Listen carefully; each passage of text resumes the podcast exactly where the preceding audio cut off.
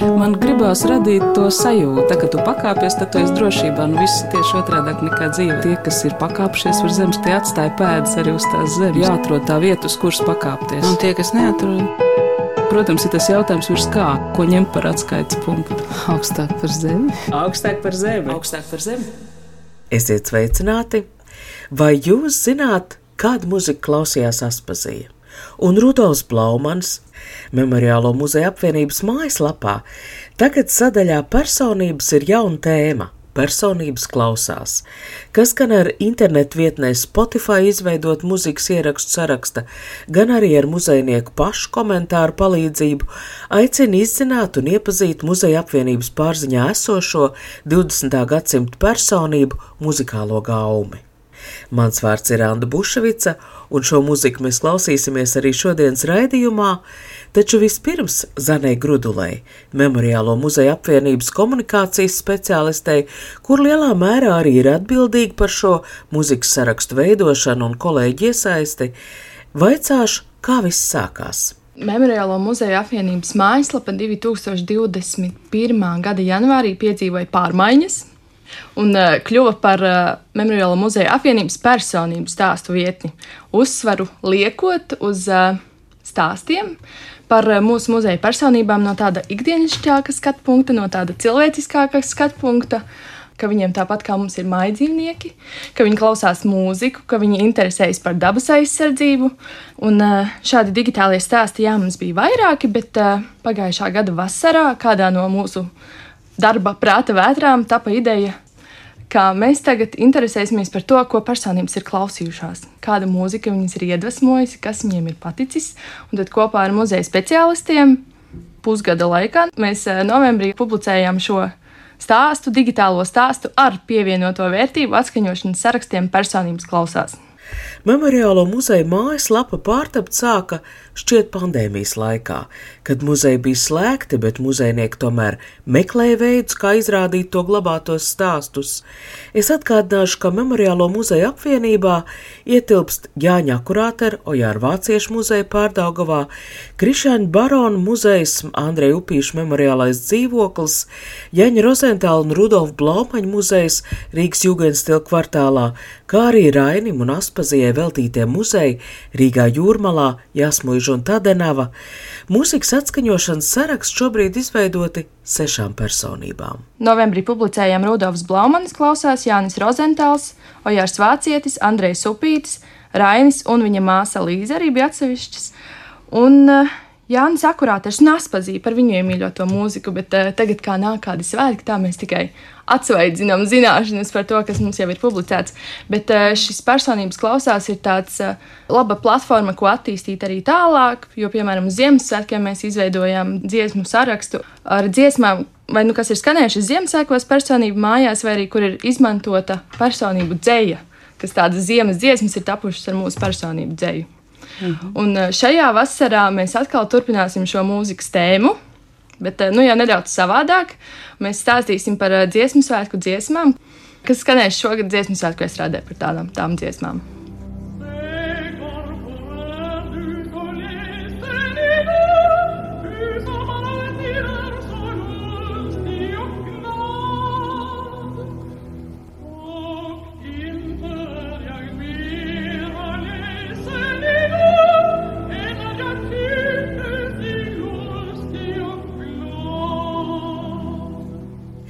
Kā veidojās sadarbība ar muzejiem? Šobrīd mēs fonā klausāmies Janas Sibēlijus dziesmu Kirstenes Flagstads balsī, taču savulaik šī dziesma ietilp Jaņa Rozentāla dzīves biedras, somu dziedātājs Elīs Forsels repertuārā.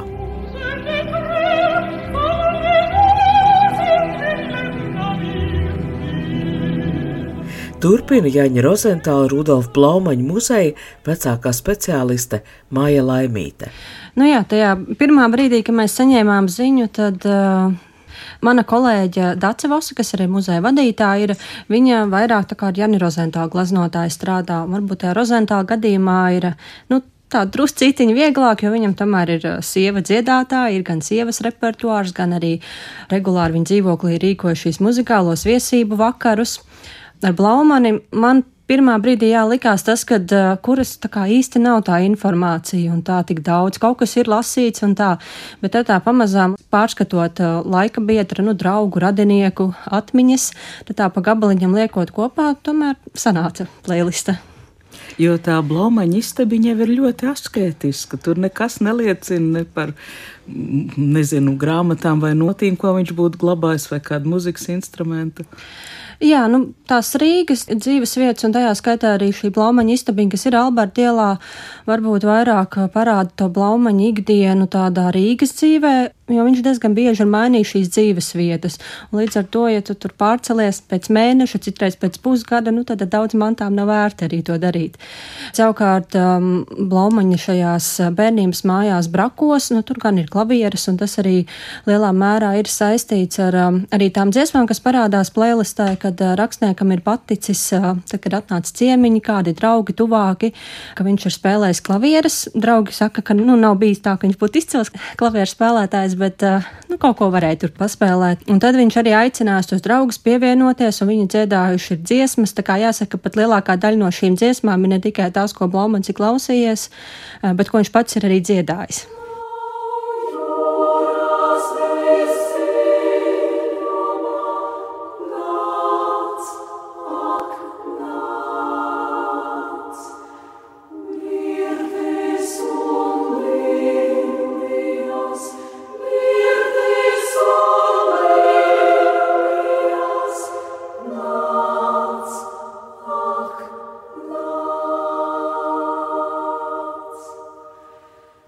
Te tajā aprakstā ir minēts, ka viņam paticis sēsties pie vecā flīģeļa braku istabā, un viņš ļāvis, lai akordi iztrecina jūtas.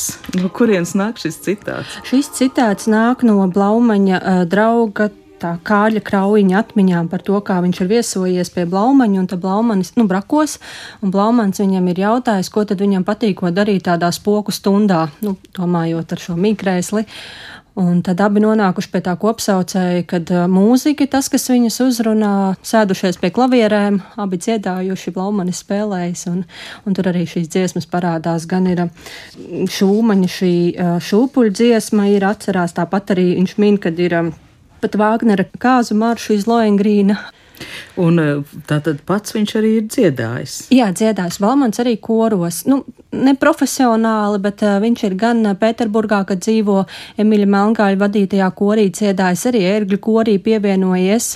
Tad, kad ir uzstājušies, teiksim, vīru koris un kādā zaļuma ballēs, tad arī viņš jā, kā tenors piedalījies. Un viņš pats esot sacerējis melodijas un vārdus kādiem īpašiem gadījumiem. Jā, nu, bet tas tāds vairāk varbūt jā, tuvākiem draugiem un mājas apstākļiem, ne gluži publiski.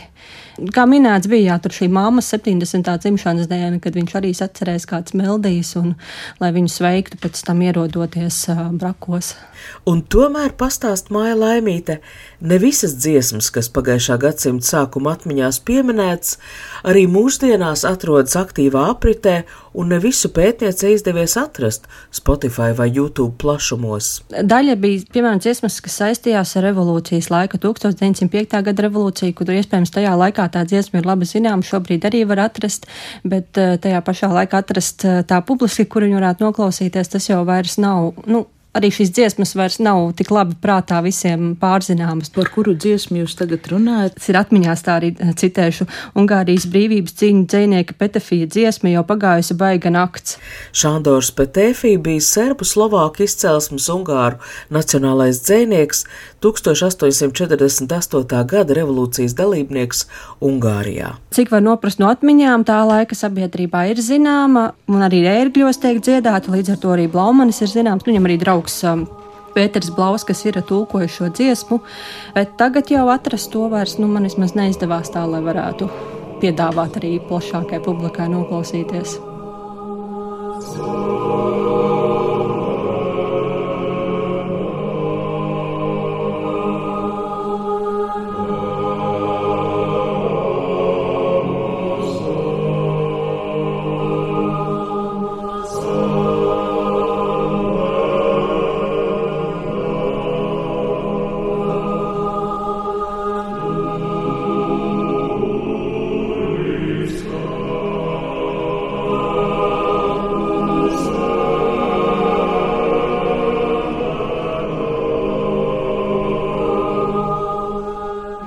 interesi aizķēra ārkārtīgi skaists skaņdarbs. Latvijas radio kurs izpilda tādu skaņdarbu latviešu rekvijēmus. Tas arī tieši eh, saistās ar to Emīlu Melngēli un Pēterburgas posmu, un kad eh, no šī laika bija minēts eh, atmiņās arī tur bija šķiet, ka Kārlis Strāls, ja nemaldos, pieminējis Blaumanis ar Emilu Mangāli bijuši ļoti tuvi tādi draugi. Nu, vēlāk tur tā draudzība mazliet izmainās un vairs nav tik labas attiecības, bet nu, jau no Emila Mangāļsiem mācību gadiem, kad viņš mācās ģimnāzijā, viņi ir pazīstami. Droši vien ne tikai šo dziesmu Blaumanis ir dzirdējis un klausījies, un, bet arī citas. Ielūkojoties personības klausās atskaņošanas sarakstos, var novērtēt arī pagājušā gadsimta sākuma cilvēku muzikālo gaumi, un komponistu vārdi atkārtojas. Visvairāk parādās tiešām Rahards Vāgners, arī Frederiks Šopēns ar savām skaistajām noktirnēm, Mocards nedaudz, Francis Šuberts ir bijis ļoti iemīļots mūsu personībām. Arī Beethovens šur tur ieskanās.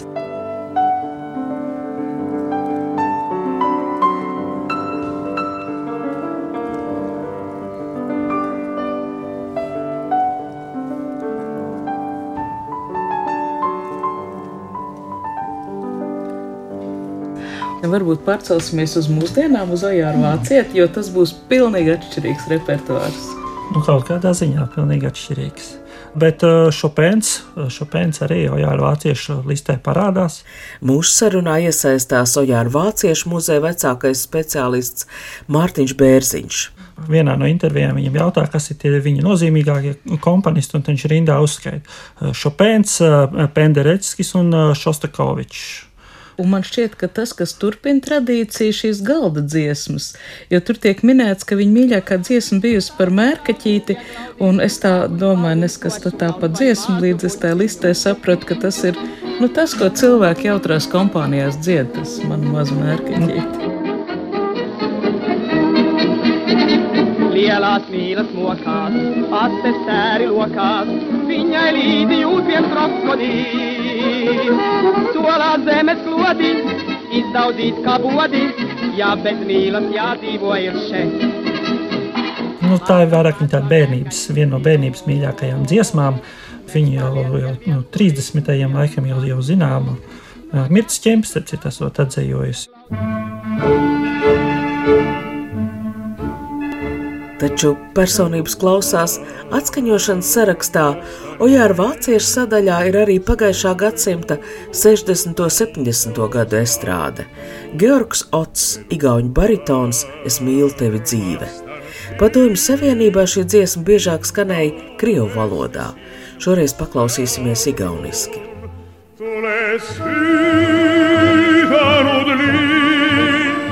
Telt ma väsinult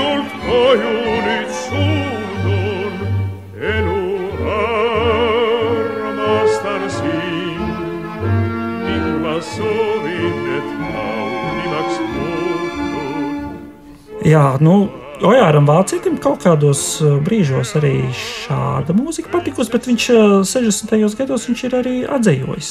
Viņš ir atzējojis, mums ir uh, Muzejā rokraksts, kur Rojārs Vācietis ir atzējojis šo smīlu tevi dzīvi, ja jubļu ķebjā žizn, atzējojis uh, latviešu valodā. Nu, tur ir vai Maskavas pievakari un tā tālāk, nu, šādas te e, dziesmas. Kaut kādā brīdī, 60. gados, laikā, kad Ojāra Vācieta faktiski nepublicēja, viņš to arī ir darījis kā peļņas darbu. Cik daudz vispār šīs liecības ir saglabājušās? Kur jūs ņēmāt to informāciju? Ir intervijas par Ojāru Vācieti, ir, ir Ludmīlas Zāravas Ojāru Vāciešu sievas atmiņas. Nu, muzejā glabājās arī kaudzīta ar Ojāru Vāciešu platēm, bet nu, tās pamatā atkal ir klasiskā mūzika. Kādreiz Ojāram Vācietim paticis arī gluži kā Blaumanim piesaisties pie klavierēm un uzspēlēt. Viņš arī nav mācījis īpaši profesionāli to darīt. Nekāds Chopēna laikam spēlējis gluži nav. Miglās saroloks varējis uzspēlēt, uzdziedāt, pašmācības ceļā apgūst klavierus. Es tagad pulos atcerēties, Vāciešu muzejā tur ir tas klavieris. Tur ir tās klavieres. Klavieres, klavieres kļaviņš, pirms kara ražojums Ludmils Zāros klavieres. Jā. Laikam jau kas ļoti muzikāls ir Ojāra vāciešu dzējā, ja reiz to tik daudz izvēlējušies komponiste. Nojārs Vācietis vispār viņš saka, mūzika man ir absolūti nepieciešama. Viņš saka, ka viņam patīk visi komponisti un visi mūzikas žanri, izņemot varbūt vienīgi opereti, jo to viņš varbūt vēl neesot atklājis. Un viņa dzēja ir ļoti muzikāla, manuprāt. Un, un, un, un tas, tas viss kaut kur skan, un viņiem ir uh, divi viņa dzējoļu krājumi, ir tādi nosaukumi. Viena ir uh, gama, vēl ir uh, sī minors, vēl ir ļoti labi zināms viņa dzējas izlasē klavieru koncerts. Dzējols Čardašs. Un dzējols Čardašs, nu viņam kopoties rakstos, viņš kā 4000 dzējoļi apmēram ir, un par mūziku tur ir daudz, daudz un dažādos veidos. Artūrs Maskats, Ojārs Vācietis, Ivars Kalniņš no koncerta programmas Sī minors. Vai katra diena taicies mātvīkst, bet man ir viena un tā tad drīkst. Cauri jau šūpām, kad vakars sāk rakst, pēc karstām lūpām man lūpas skarst. Pat lakstīga lai tad arī jūg, kur zemē malā kas augas brūk. Un sirds ir biežāk un skaudri kvald, un zeme griežas un zeme parāld, un lakstīga lakas viena man ka tam nav gala pa ievām skan. Un lakstī gala, kas viena man, ka tam nav gala pa ievām skan. Vai katra diena taicies mātvīkst, bet man ir viena un tā tad brīd. Arī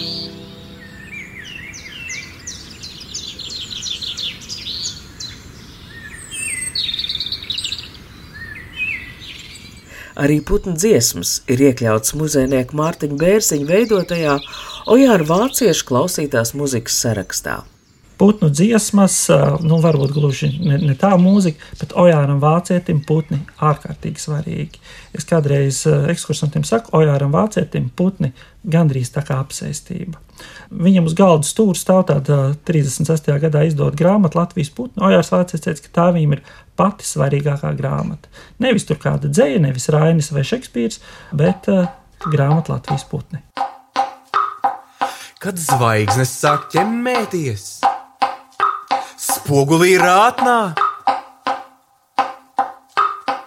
Un dzelzmē krīt sudrabots mats.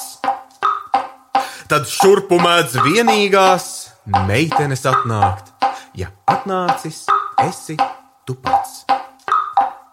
Pakāpsimies mazliet sāņus no Memoriālo muzeja apvienības mājaslapā apkopotās mūzikas, jo šis fragments ir no sadarbībā ar fondu Initium un pārdaugos radošo centru tapušā ceļveža Ojāra soļi. Ojāra vāciešu dzēja Edgara Ragīnska mūzika.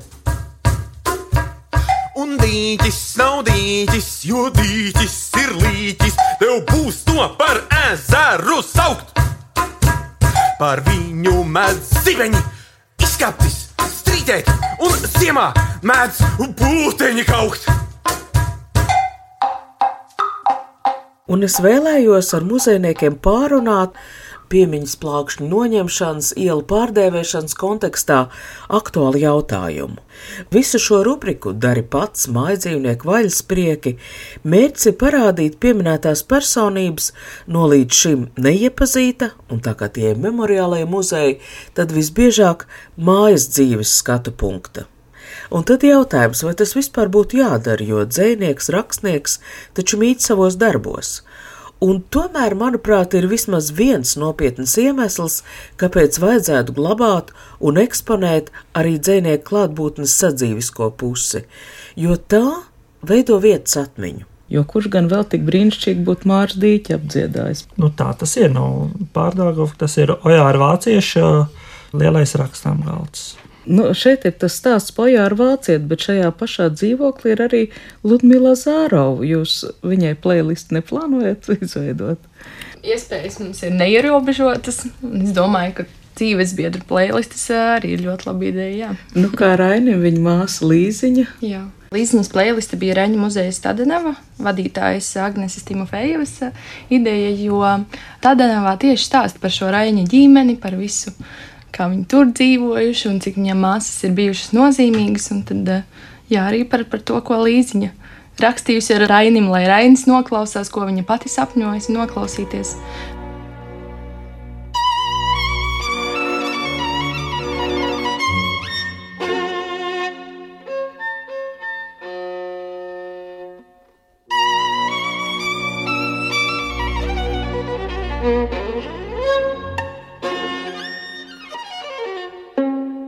Raiņa māsa Līza Pliekšāne, kad 1883. gada janvārī ar koncertu programmu Rīgā viesojas violnieks Pablo de Saraste, brālim no Vasiljovs raksta: Viņa spēlēšana tev, brāli, katrā ziņā jādzird, kā arī jāizzina kaut kas tuvāk par viņu personu, un tad arī man jāpaziņo kāds drusks no tā. Man tas izklausās mazliet mulsinoši.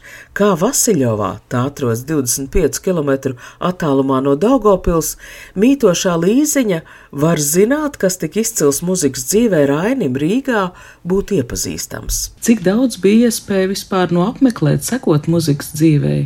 Es saprotu, ka viņi tam sekoja tikai līdzi caur grāmatām, caur žurnāliem un par to, vai viņa Rīgā ir apmeklējusi koncertus izskatās, izklausās, ka viņa ne, nav bijusi Rīgā klausīties. Bet ir jānovērtē tas, ka cilvēki tajā laikā sarunājas par koncertiem, sarakstās. Jā, un viņa koncertiem. iesaka savam jaunākajam brālim, lai viņš obligāti aiziet un noklausās. Nu, Rainis taču neklausījās viņu un neaizgājas to.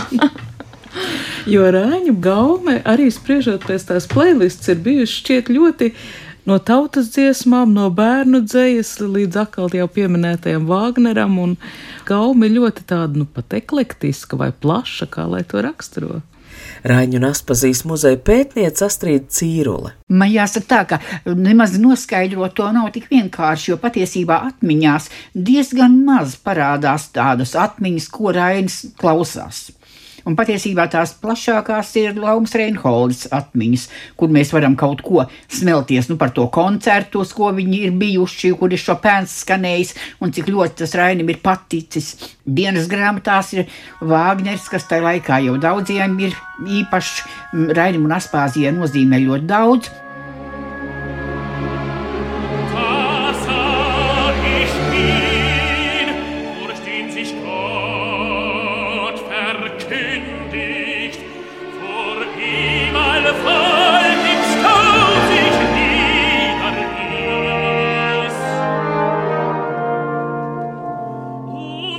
Runājot par Wagneru, viņa varbūt vairāk pievēršas tieši tai Wagneru muzikai.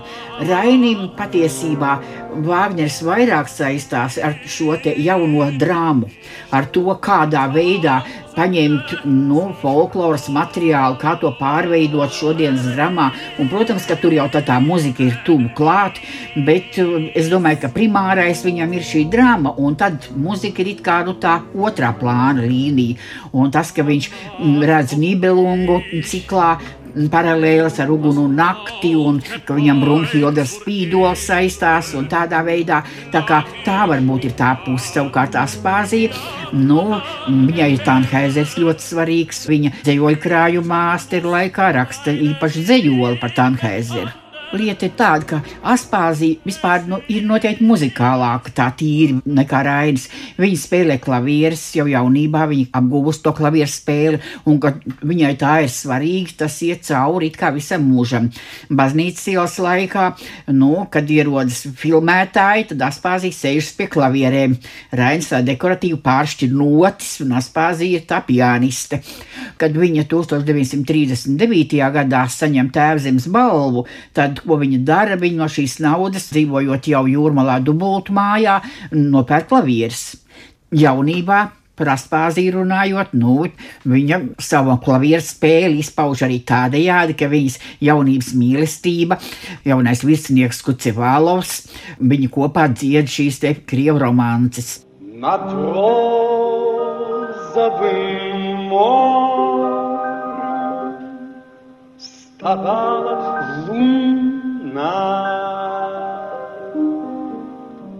Nu, un Aspāzija tur tā dekoratīvi raksta, kā viņu uz klavierēm pavada un kā viņš guļ pie viņas kājām un dzied šīs romances.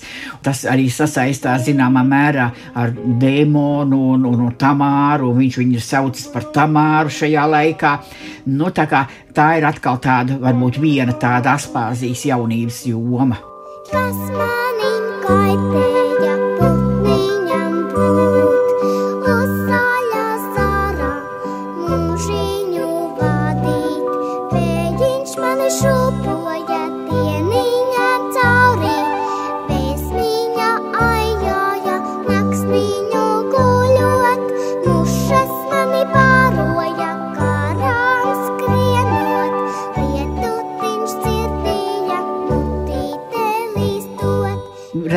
tā, ka viņa māte ir zinājusi tik daudz tautas dziesmu, ka viņa ir dziedājusi un varējusi katram darbiņam un katrai puķītei dziedāt savu dziesmiņu.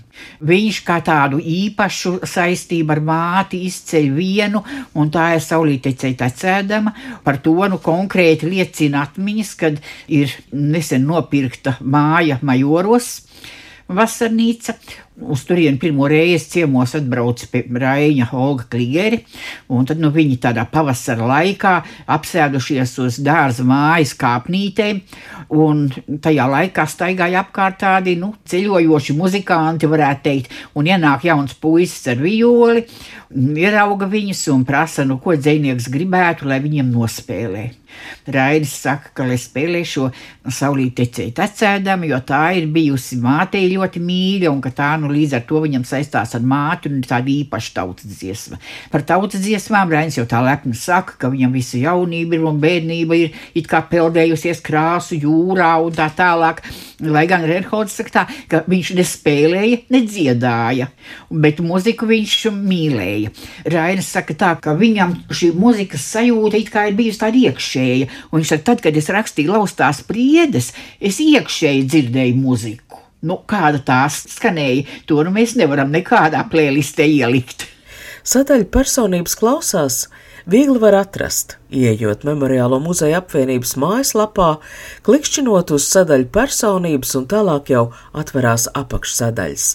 Par Spotify mūzikas atskaņošanas sarakstiem stāstīto veidotāja Zana Grudule, pētnieka Māja Laimīte, Mārtiņš Bērziņš, Astrīda Cīrule, Ar jums sarunājās Anna Buševica, par raidījumu skaņu gādāja Valdes Raitums. Kā jau sarunā dzirdējāt, jauns saraksts Memoriālo muzeja mājaslapā taps pirms šovasar gaidāmajiem dziesmu un deju svētkiem. Uz dziesmu svētkiem tas stāsts būs par uh, tām kora dziesmām, kas šogad skanēs Meža parka lielajā izstrādē, kora izpildījumā, kuru vārdu autori ir mūsu personības. Un, uh, noteikti būs Aspazijas Cijānas bērni, Emīla Dārziņa mūziku un Laustās Priedis, Pētera Barisona Latvijā, Ojāra vācieša dziesma ar nosaukumu Barons, kas veltīta Krišjānam Baronam. Tā kā būs skaisti darbs muzejniekiem priekšā. Gaidīsim dziesmu svētkus. Jūs meklējat šīs dziesmas? Es esmu pati koriste, man ir dziesmu svētku grāmatiņa, un es tik šķiru un skatos.